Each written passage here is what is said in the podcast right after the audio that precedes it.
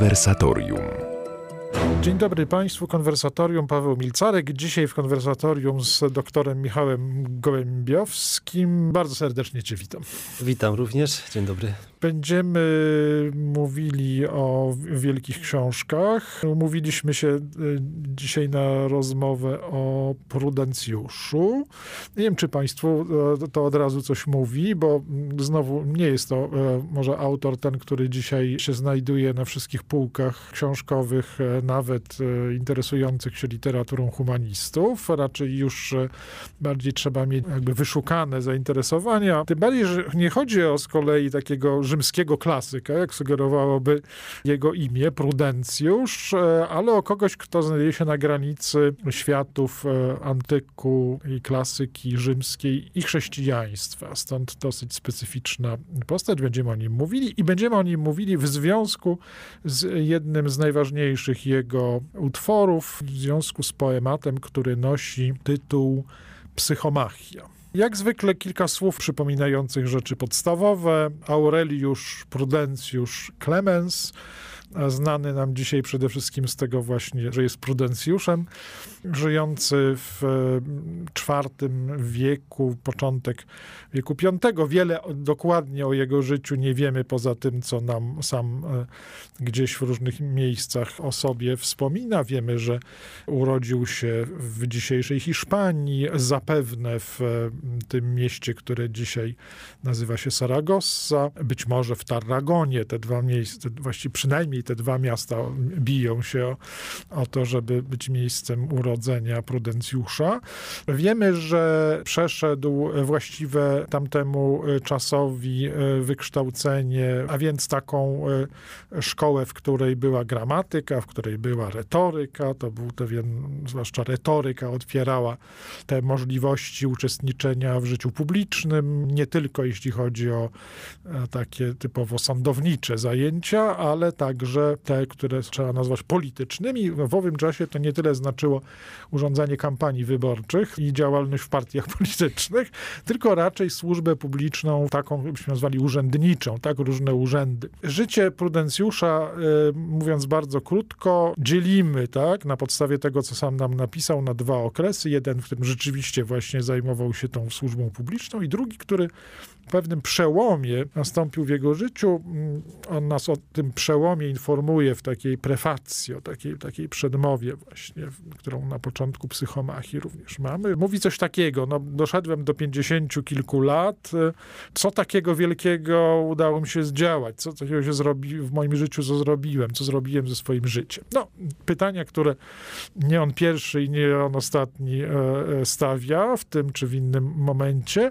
W jego przypadku oznaczało istotny przełom, właściwie już później nie zajmował się sprawami publicznymi, właśnie skoncentrował się na twórczości poetyckiej z intencją, żeby w poezji opowiedzieć o wierze, przełożyć wiarę chrześcijańską na poezję. Postawmy sobie takie pytanie, po oczywiście wiekach rozmaitej poezji chrześcijańskiej, ale razem z Prudencjuszem w końcu IV, na początku V wieku jesteśmy w sytuacji, w której to jest raczej początek dziejów poezji chrześcijańskiej, mimo że chrześcijaństwo już te swoje trzy wieki, tak można powiedzieć, ma.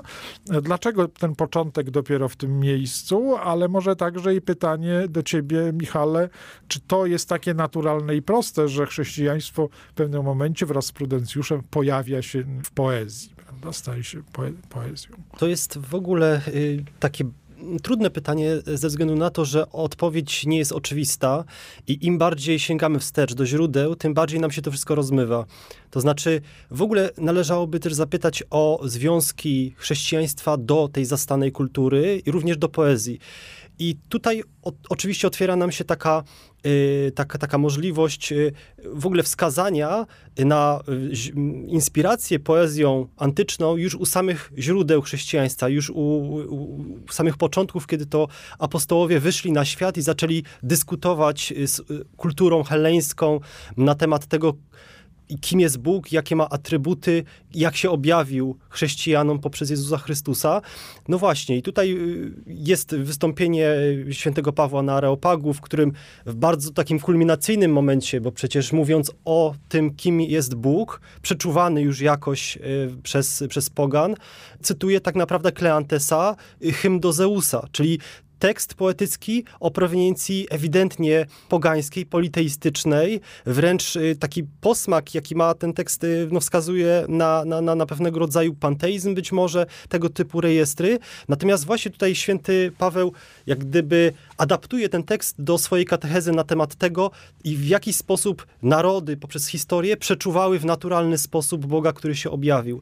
I tutaj już mamy pewien element tej odpowiedzi, to znaczy jeżeli przyjmiemy y, założenie takie, że chrześcijaństwo nie weszło na arenę dziejów jako jedna z wielu religii, jako nowa religia, tak jak to zarzucali świętemu Pawłowi na tym, że Areopagu stoicy, że oto jakiś nowinkarz przychodzi, wykłada nam nowe, nowych bogów tak naprawdę, to tutaj chrześcijaństwo weszło jako tak zwana religia prawdziwa, e, religiowera, czyli tak naprawdę odsłonięcie tego celu i prawdziwej istoty natury, tego, co wcześniejsze religie, co inne kultury, co innego rodzaju e, drogi dojścia do Boga proponowały jako, jako pewne intuicje dopiero które właśnie cofają się do źródeł, czy też do swojego celu. No i oczywiście tutaj bardzo ważną rolę odgrywała poezja, jako, jako ta dziedzina sztuki, która zgłębiała niejako transcendencję. My byśmy dzisiaj powiedzieli tak, y, nawiązując być może do filozofii, y, w rodzaju filozofii spotkania, czy personalizmu, że jest pewna transcendencja zgłębiania osoby i tutaj właśnie ta poezja, ona tego typu rolę odgrywała. No i oczywiście y, w ramach tego, w jaki sposób adaptowało się chrześcijaństwo, kerygmat chrześcijański, opowieść o krzyżu śmierci i zmartwychwstaniu Chrystusa wchodziło w kulturę, no to oczywiście przyjmowało szablony, rozmaite y, narzędzia y, do tego, żeby opowiadać w jak najbardziej literacki sposób o tym, o czym mówi właśnie tutaj objawienie, o czym mówi dobra nowina. No i pojawili się poeci chrześcijańscy. Prudencjusz jest być może takim najważniejszym, byśmy powiedzieli. Ty zacząłeś swoją wypowiedź od tego, że Prudencjusz no, nie znajduje się na wielu półkach e, współczesnego czytelnika, miłośnika książek i to tutaj jest pewien brak, dlatego że z kolei historycy literatury przyznają temu autorowi bardzo ważne miejsce w ogóle w kanonie literatury rzymskiej.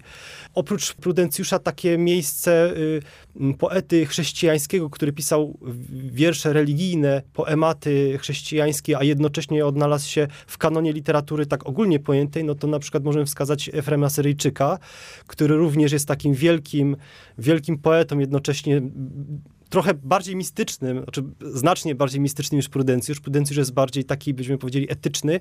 Y, Efrem Syryjczyk jest bardziej mistyczny. Natomiast to jest tych dwóch takich najważniejszych poetów. Oprócz nich mamy też oczywiście świętego Paulina z Noli, e, czy też świętego Grzegorza z Nazjanzu, e, którzy też pisali, no oczywiście też świętego Ambrożego, natomiast to tutaj te, te dwie postaci, one tak naprawdę pokazują, czy wyznaczają takie świetliste punkty na drodze do, do e, wejścia chrześcijaństwa do kultury tak oficjalnie. Wymieniałeś autorów, e, e, trochę tam e, prześwietlały też różne szaty językowe, bo oczywiście to w dalszym ciągu jest świat, którym można było iść drogą kultury raczej greckiej albo raczej rzymskiej. Prudencjusza mamy na tym, na tym drugim szlaku, co dla z kolei kultury zachodniej, tak, jakby bardziej naturalnie pozostało śladem na, na, na przyszłość. Prudencjusz wszedł do takiej klasy klasyki szkolnej. To dzisiaj tego nie, nie zdajemy sobie sprawy, ale jego psychomachia była takim, takim utworem po prostu analizowanym w ramach zwykłych ćwiczeń szkolnych. Chrześcijański Horacy, jak też o nim mówiono tak, tak, tak, tak, tak umownie, tak, taką... ze względu na ten, na ten styl jego elegancki i tę, tę wyrafinowaną sztukę słowa, którą reprezentował w swoich utworach. W takim już dzisiaj klasycznym przeglądzie tych spraw Ernsta Curtiusa mamy taką ciekawą e, refleksję, on wyraźnie oddziela Prudencjusza, stawia jakby z boku i, i wyżej, na wyższej półce w stosunku do tych, którzy starali się trochę wcześniej mm, e, w inny trochę sposób uruchomić, że tak powiem, muzę chrześcijańską, e, bo tutaj myślę i o Seduliuszu z jego pieśnią paschalną i o, no już inna kategoria, Juvencus, Arator, tak, ci, którzy z kolei próbowali na heksametry przełożyć Ewangelię czy dzieje apostolskie. Myślę, że Kurcjus, który wy, wyraźnie ich odłącza, rozdziela, stawia obok siebie i mówi o Prudencjuszu jako zupełnie innym poziomie, innej jakości, Chcę być może powiedzieć, że ci pierwsi, Juvencus, Arator, a nawet Seduliusz, szli mimo wszystko taką drogą E, pewnego i pewnej imitacji, naśladowania. Znaczy po prostu skoro w heksametrze ludziom o rzymskiej kulturze bardziej wchodzą jakieś różne treści, no to po prostu zwyczajnie trzeba na, na tę poezję przełożyć kanon, e, ściśle biorąc kanon biblijny. Natomiast Prudencjusz, zaraz będziemy mówili o tym pewnie dalej w naszej, naszej rozmowy, ale jakby to powiedzieć, tworzył pewne nowe jakość, nową jakość. Tak, właśnie, bo Curtius też wskazuje na to, że Seduliusz y, zwłaszcza no, cechuje się pewną barbarzyńskością tego stylu jednak. I to też y, wskazuje na pewien taki newralgiczny punkt y, w ogóle w tym momencie, w którym kształtowało się pojęcie związków chrześcijaństwa z kulturą antyczną, zwłaszcza z poezją, ponieważ no, powstały takie dwie frakcje.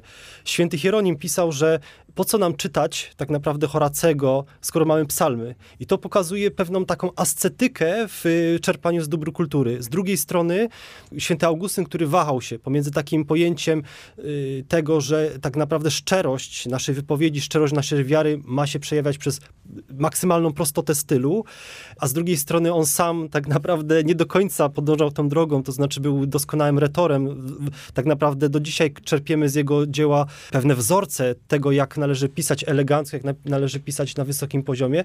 No i tutaj Curtius właśnie wskazuje na to, że tenże Seduliusz, on reprezentuje ten moment, w którym niektórzy autorzy obrali tę drogę prostoty rozumianej jako, jak tutaj y, wypowiada się ten, ten badacz, barbarzyńskość tego stylu. Prudencjusz z kolei został tak, tak tutaj wyniesiony na piedestał ze względu na to, że on tak naprawdę realizował te wzorce, doskonałe wzorce najlepszej literatury rzymskiej. I niejako wszedł, nie tylko jako będąc chrześcijaninem, który daje świadectwo swojej wiary poprzez, poprzez literaturę, ale wszedł niejako w samą strukturę tego, czym kultura rzymska była. I tutaj jest też wartość tego, tego dzieła. Wracamy do rozmowy o Prudencjuszu, a właściwie o psychomachii Prudencjusza. Wspomniałem o tym, że jest to jeden z utworów, być może można było powiedzieć, że naj, najsłynniejszy. Pewne trudności zaczynają się od samego tytułu, bo tak się złożyło, że utwory Prudencjusza mają na ogół tytuły greckie, co u pisarza tworzącego w łacinie, e, no może nie jest zaskakujące, ale, ale jest jakoś jakoś charakterystyczne.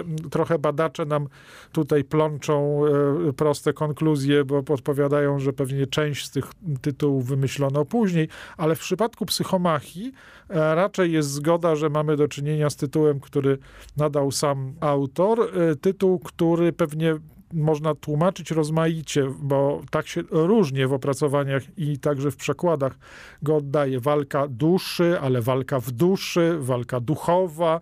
E, wszystko to są akcenty różne, e, które e, dadzą się w, tym samym utworze odnaleźć. Jest to zresztą otwarcie ścieżki dla potem bardzo często używanego konceptu, tak? takiego, takiego obrazu walczącego walczących ze sobą sił w duszy, albo jakichś cnót i wad walczących o duszę. Mówiąc bardzo krótko, tak od strony treści. To jest utwór o tym, że stają na, naprzeciw siebie jakby dwie armie, z której y, po kolei wychodzą z jednej strony cnoty, ale nie są to cnoty wycięte z, nasz, z, z naszego przeglądu cnót kardynalnych, tylko w różny sposób wiara, ale i cierpliwość, prawda, ale też i umiarkowanie, ale też i pokój, prawda, czy zgoda. To są cnoty, które reprezentują chrześcijaństwo, bo to nie jest tylko zespół cnót, który, który y, pojawia się w duszy chrześcijan, chrześcijanina, tylko właściwie mamy do czynienia z jakąś walką po jednej stronie chrześcijaństwa upersonifikowanego e, poprzez te cnoty, a z drugiej strony rzeczywiście jakiejś zastanej e, i nadającej się w tej chwili już tylko do odrzucenia, jak nam sugeruje autor tej kultury religijnej pogaństwa, która z kolei się wypowiada w wadach. Zauważcie, to jest dosyć ciekawe, bo nie zawsze jesteśmy pewni, no z perspektywy chrześcijańskiej jesteśmy pewni, że mamy do czynienia z wadami, ale gdybyśmy na chwilę perspektywę chrześcijańską odsunęli, to wydaje mi się, że niektóre z tych postaci wcale nie są od razu, nie jest od razu jasne, że są e, jakimiś e, diabłami wcielonymi, tak? Znaczy po prostu reprezentują inaczej ukształtowaną skalę wartości, którą Prudencjusz e, no, rysuje oczywiście raczej,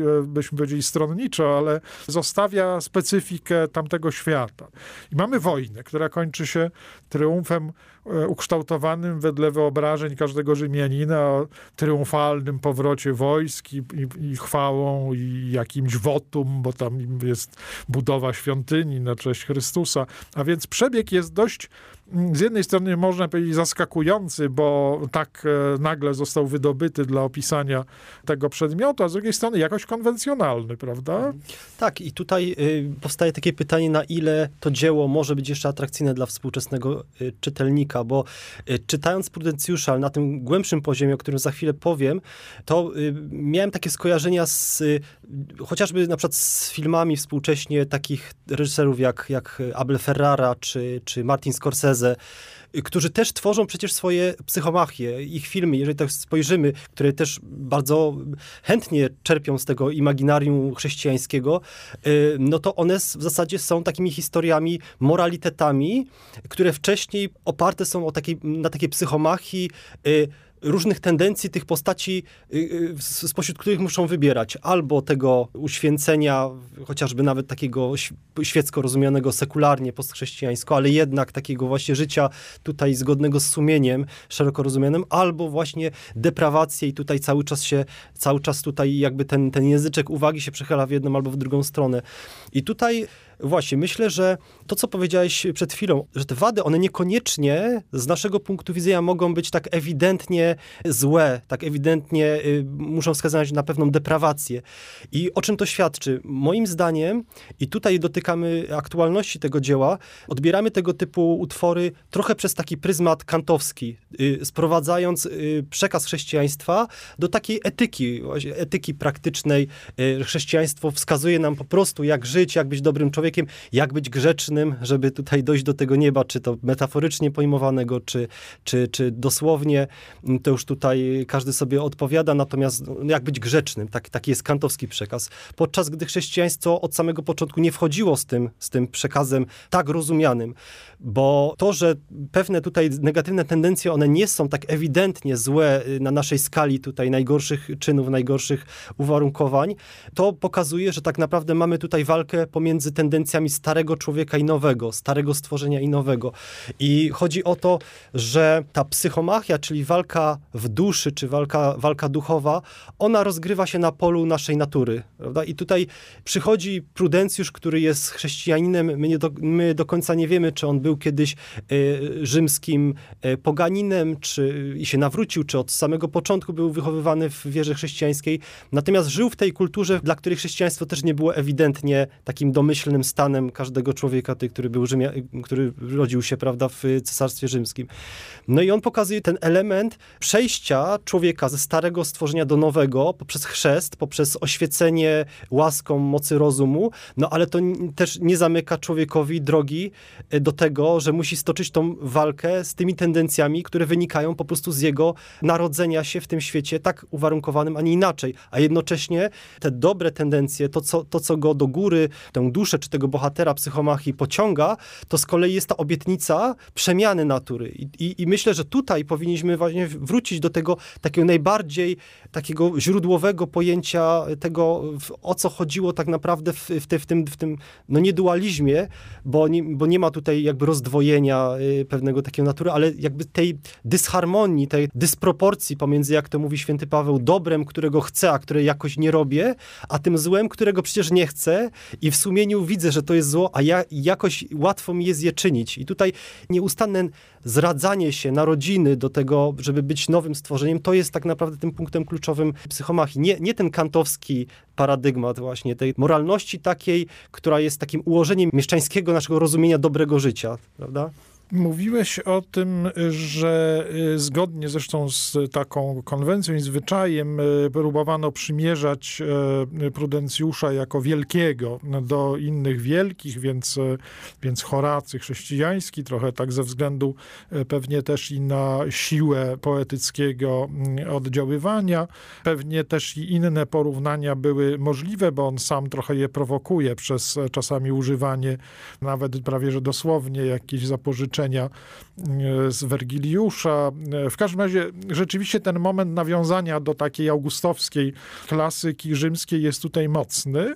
Natomiast może e, dość ekstrawagancko zabrzmieć to, co ja w literaturze mimo wszystko na temat Prudencjusza gdzieś tam przypadkiem trafiłem, gdzie powiada się o nim jako o chrześcijańskim pindarze, co oczywiście jest zupełnym przeskokiem i w ogóle nie, nie możemy sobie wyobrazić, że sam Prudencjusz chciał być pindarzem, Pindarem, ale jest może o tyle ciekawym konfrontowaniem, bo te, tak trochę mówiłeś też o tym, że w psychomachii te, te walki, one są czasami tak dosłownie olimpijskie, to znaczy takie, znaczy olimpijskie to nie w tym sensie, że, że, że, że są sportowymi zawodami, bo nie, ale że jest w nich ten muskuł, siła i że właściwie sławiona jest, sławione jest zwycięstwo. To trochę jest tego tonu tych ud olimpijskich, tych, którzy się świetnie popisali, którzy którzy są bohaterami, to w tych cnotach, które za przeproszeniem stają na głowie e, tych wad, e, nie wiem, rozbijają e, je i tak dalej,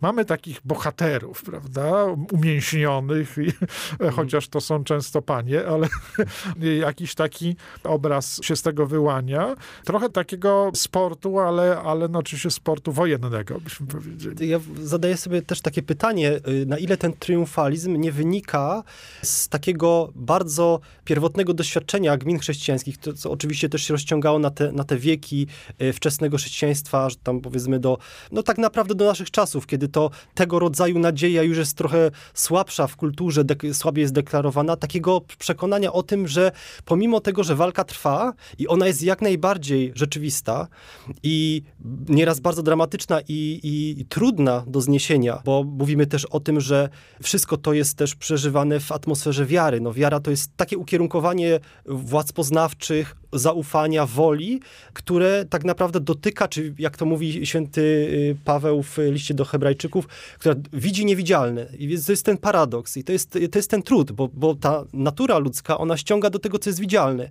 Niejednokrotnie wiara jest wbrew temu, co jest widzialne na takim poziomie jakby tej percepcji y, subiektywnej, prawda? Oczywiście y, nie, nie znosi rzeczywistości, ale człowiek jakby doświadcza tego, tego rozdwojenia takiego egzystencjalnie, że przecież widzi na przykład hostię, widzi, y, y, poznaje, poznaje strukturę tego, te, tego właśnie obiektu, a jednocześnie wierzy w obecność Boga właśnie tutaj w ten sposób. I tutaj ta walka jest dramatyczna, a jednocześnie też z takim przekonaniem, że przecież ona gdzieś tam na tym planie już y, boskim, ona już tak naprawdę już jest zakończona. Ona już jest tak naprawdę wygrana ta walka.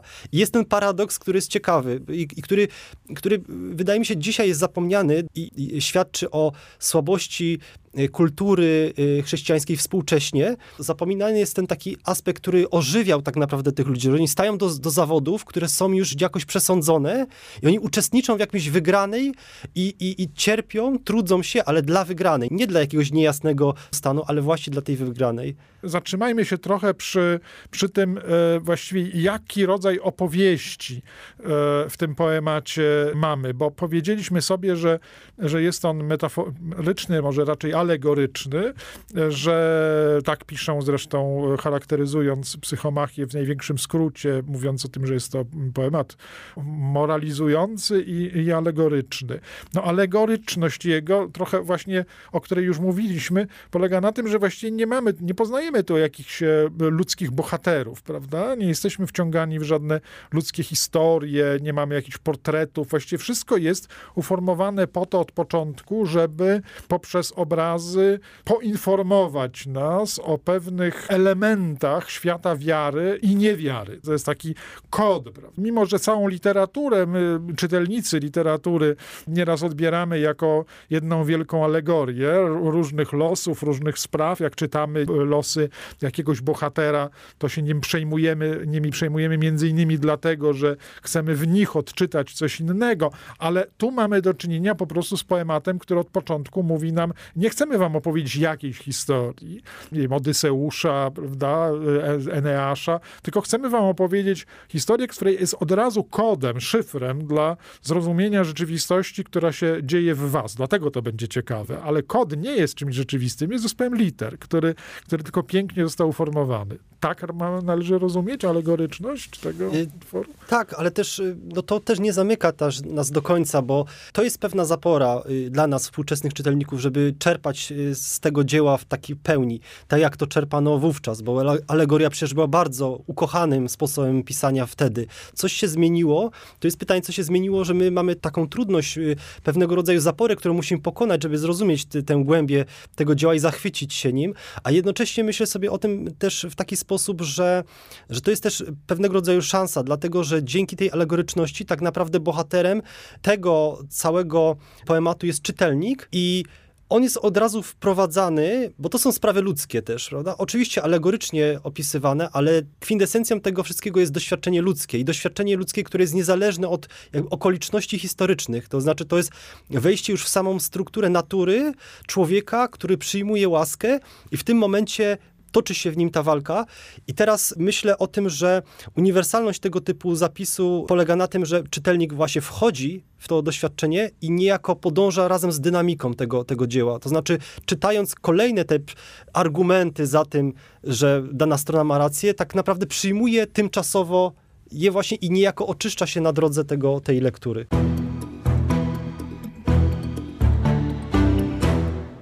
Wracamy do naszej e, rozmowy o psychomachii Prudencjusza. E, zgodnie z naszym e, zwyczajem, trzecia część naszej rozmowy to głos poezji. Ja wydobywam coś z Prudencjusza dzisiaj, żebyśmy razem usłyszeli coś z tej jego poezji, a Michał Gołębiowski odpowiada jakimś zaskoczeniem. To więc zróbmy tak e, i dzisiaj. Mamy z Prudencjusza, chcemy zdawali sobie sprawę, mamy tam tych jakby siedem walk, które się po kolei toczą. E, zauważono z zainteresowaniem, że kolejne te walki są coraz dłuższe w poemacie i nawet byli tacy wnikliwi badacze, którzy przypisywali temu jakieś znaczenie, ale zdaje się, że to po prostu było tak, że autor coraz bardziej się no, no, mówiąc kolokwialnie, rozkręcał w trakcie e, komponowania e, różnych. Przeczytam tę, która jest pierwsza i najkrótsza. A że jest dość krótka, to pozwolę sobie jeszcze zrobić zakładkę z takiego wcześniej, takiej apostrofy właściwej, właściwie powin, powinna być, prawda? Jest jakieś apostrofy do, no nie do muzy, właśnie zobaczymy do kogo. Z Prudencjusza Psychomachii. Chryste, co zawsze nad ludzkim litujesz się trudem, Ty, co ojcowską i własną liśnisz mocą, lecz jedną, jednego bowiem w imionach obu czcimy Boga, nie jedynego, boś Ty jest, Chryste, Bogiem z Ojca. Powiedz, nasz Królu, jakimi siłami zbrojnymi z serca naszego wypędzić duszę może grzechy, ilekroć w nas wśród skłóconych uczuć bunt wybucha – i dusza męczy się w trudzie walki z chorobami. Jakaż ma wtedy załoga bronić jej wolności? Jaki jej lepszych sił zbrojnych szyk stanąć do boju, gdy furie wejdą do bitwy? Bo ty, wodzu dobry, nie wystawiłeś chrześcijan bez chówca w cnót wielkich, bez sił dostatnich na pastwę niszczących je błędów sam każesz chówcom zbawienia, osaczonym w ciele, walczyć wytrwale.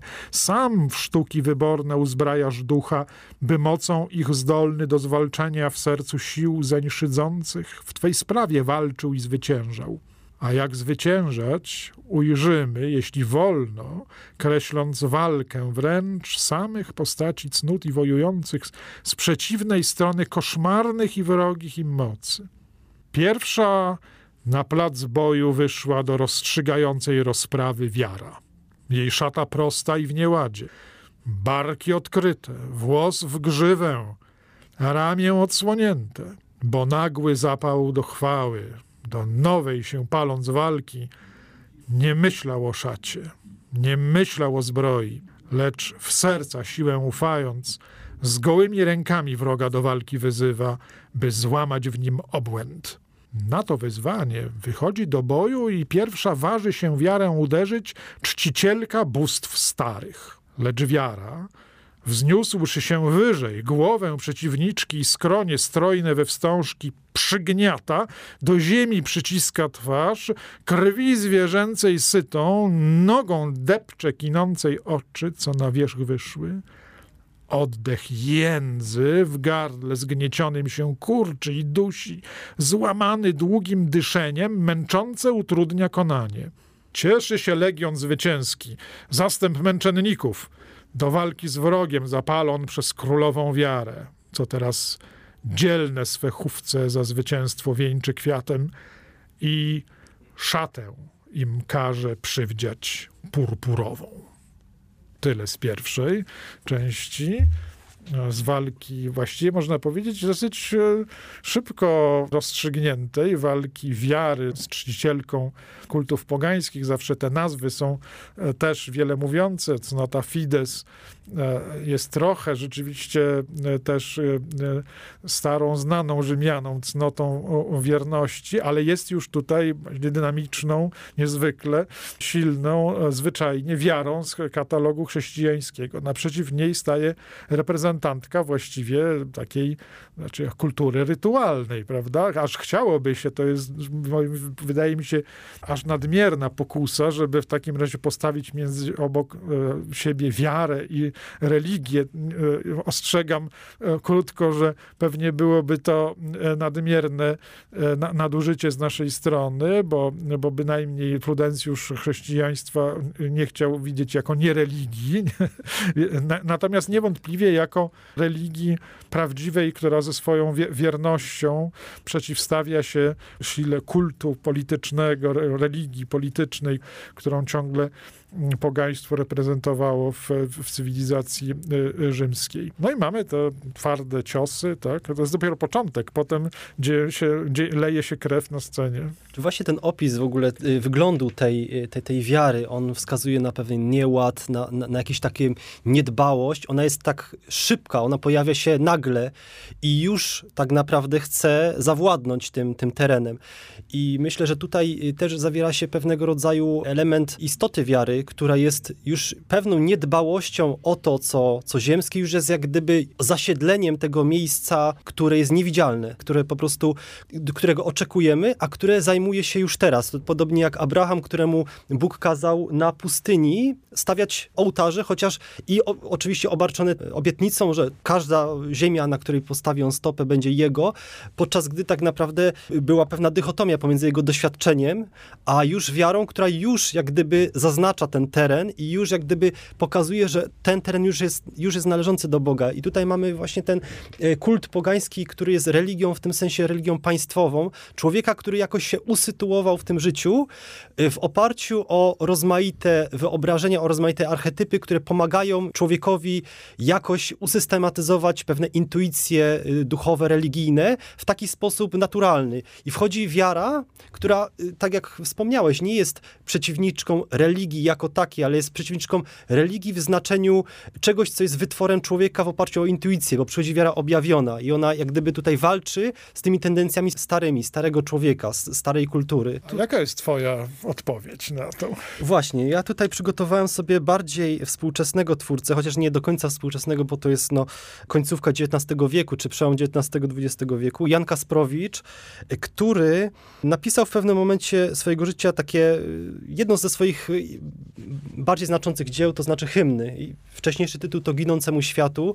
Były to hymny pisane w okresie, w którym Kasprowicz stracił wiarę y, religijną, którą żywił jakoś, czy miał doświadczenie wiary w bardzo młodym wieku, takiego majestatu boskiego, co później zatracił y, z biegiem czasu, zgorszony złem na świecie, bo to było przede wszystkim takim cierniem, który tkwił w jego, w jego duszy.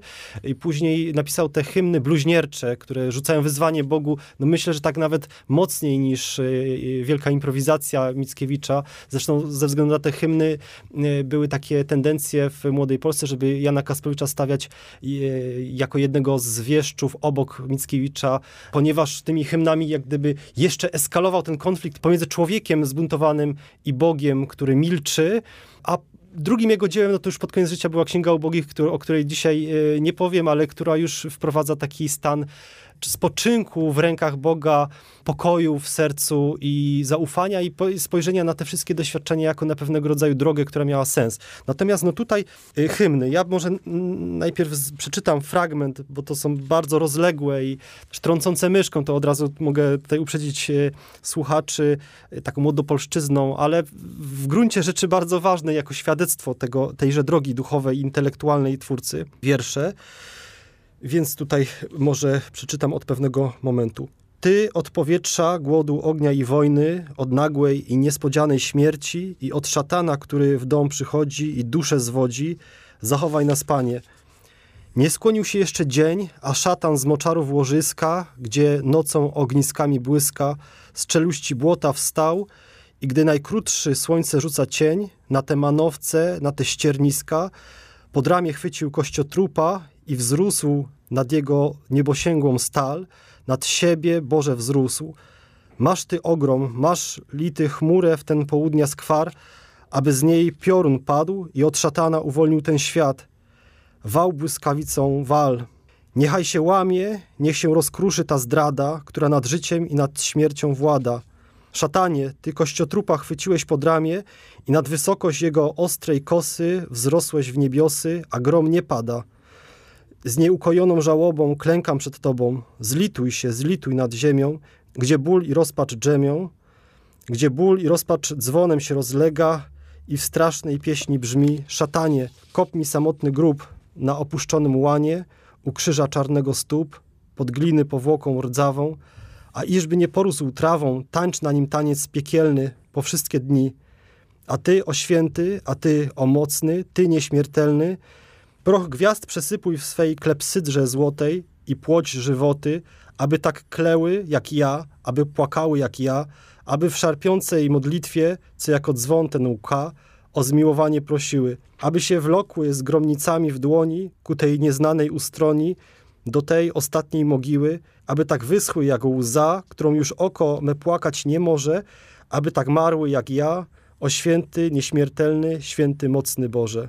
I tutaj yy, mamy to, co jest charakterystyczne właśnie dla tego całego zbioru hymnów Kasprowicza, czyli bardzo ostre zwątpienie tak naprawdę we wszechmoc Bożą. No, w innym y, fragmencie tego, y, tego dzieła mamy wręcz takie oskarżenie, że miłość, którą Bóg objawia i którą daje, tak naprawdę jest trucizną, bo ona daje człowiekowi nadzieję i, i, i ta nadzieja jest, jest, jest tym, co zabija człowieka. I wspominam o tym, o, o tym dziele w kontekście psychomachii, dlatego że tutaj widzimy z kolei kolejny taki poziom tej walki duchowej, bo również jest to walka duchowa, oczywiście w kontekście jak to deklarował Kasprowicz, utraty wiary, ale jednocześnie no, no, no jest, jest w tym coś takiego, co nie pozwala do końca zdefiniować to jako rzeczywistej utraty, tylko jest, jest jakieś zmaganie, zmaganie, które jest jakieś zawieszone w próżni akurat w tym momencie, natomiast wydaje mi się, które też dobrze obrazuje stan świadomości człowieka współcześnie, na przykład w, w epoce ponowoczesnej, kiedy odradza się pewnego rodzaju takie myślenie o religii, odradza się pewnego rodzaju taka świadomość tego, że te ulepszenia, ułatwienia, które przynosi nowoczesność, nie wystarczają, żeby zaspokoić głodu egzystencji ludzkiej, a jednocześnie jest ten taki być może to doświadczenie XX wieku, czy pewna większa świadomość etyczna na, na, na skandal, którym jest zło, a jednocześnie mniejsza tolerancja na to, że cierpienie ma jakąś rację bytu ze względu na, na ten rozwój e, medycyny, technologii, łatwości życia ogólnie, a jednocześnie pęknięcia, no, no, trwa wojna, mamy pandemię, no wciąż jeszcze oficjalnie nie zażegnaną, że jest jakiś taki paradoks tego, że człowiek stoi w tej, w tej walce duchowej jako zawieszony w takiej próżni, w której nie może znieść tego bez sensu, a jednocześnie nie może jakoś tak przeskoczyć do pełnego zaufania Bogu. I te hymny Kasprycza, myślę, są takim uaktualnieniem tej psychomachii na miarę współczesnego człowieka. O, jesteśmy na jeśli chodzi o psychomachię, na długiej klawiaturze, bo z jednej strony Prudencjusz e, z tą bardzo dynamiczną, e, nie chcę powiedzieć naiwną, ale taką pierwszą konfrontacją tego czystego świata wiary z tym e, takim zmurszałym, obciążonym swoimi wadami światem pogańskim. A u ciebie z kolei na drugim skraju klawiatury to zmaganie między wiarą, która jest już od dawien dawna zasiedziała w tym świecie i no nie jakimś innym kultem, tylko takim jakimś widzeniem człowieczeństwa, tak? W jego mizerii, jego różnych słabościach, które w takim razie przyjdź i wyzwól, tak? tak też, też jest to swego rodzaju wołanie o religię prawdziwą. Nie w tym sensie, jakoby y, było jakieś nowe objawienie, ale w tym sensie, że tak de facto u Kasprowicza, którego nazywano jedynym takim duchem religijnym młodopolskim, jedynym takim chrześcijańskim duchem y, tamtego czasu, no takie wołanie o to, żeby objawiło się to, co tak naprawdę zostało obiecane i co w rzeczywistości jakoś zostało zapomniane, czy jak to mówi Księga Apokalipsy, została zapomniana ta pierwsza miłość do mhm. tego. Czyli gdzieś ta, ta pierwsza miłość ostygła i oto mamy pewnego rodzaju takie no, próby dokoptowania tego wszystkiego, co pozostało po tej miłości, ale, ale ta miłość, ona nie zostanie wskrzeszona w taki sposób, że elementy zostaną włączone do nowej narracji. To właśnie chodzi o to powrót do tej miłości, która napędza, napędzała Prudencjusza chociażby. No właśnie, dzisiaj było to nasze spotkanie z Prudencjuszem, Aureliuszem Prudencjuszem Klemensem, z jego poezjami, ale przede wszystkim z psychomachią, poematem o walce duchowej, o walce w duszy. E, za rozmowę o tej książce dziękuję e, dzisiejszemu gościowi konwersatorium i państwa, Michałowi Głębioskiemu. Dziękuję, dziękuję. serdecznie. A państwa już żegnam, zachęcając do mm, słuchania konwersatorium w przyszłą niedzielę o godzinie 13 dobrej niedzieli, życząc do usłyszenia. Paweł Milcarek. Audycja powstaje we współpracy z kwartalnikiem Christianitas.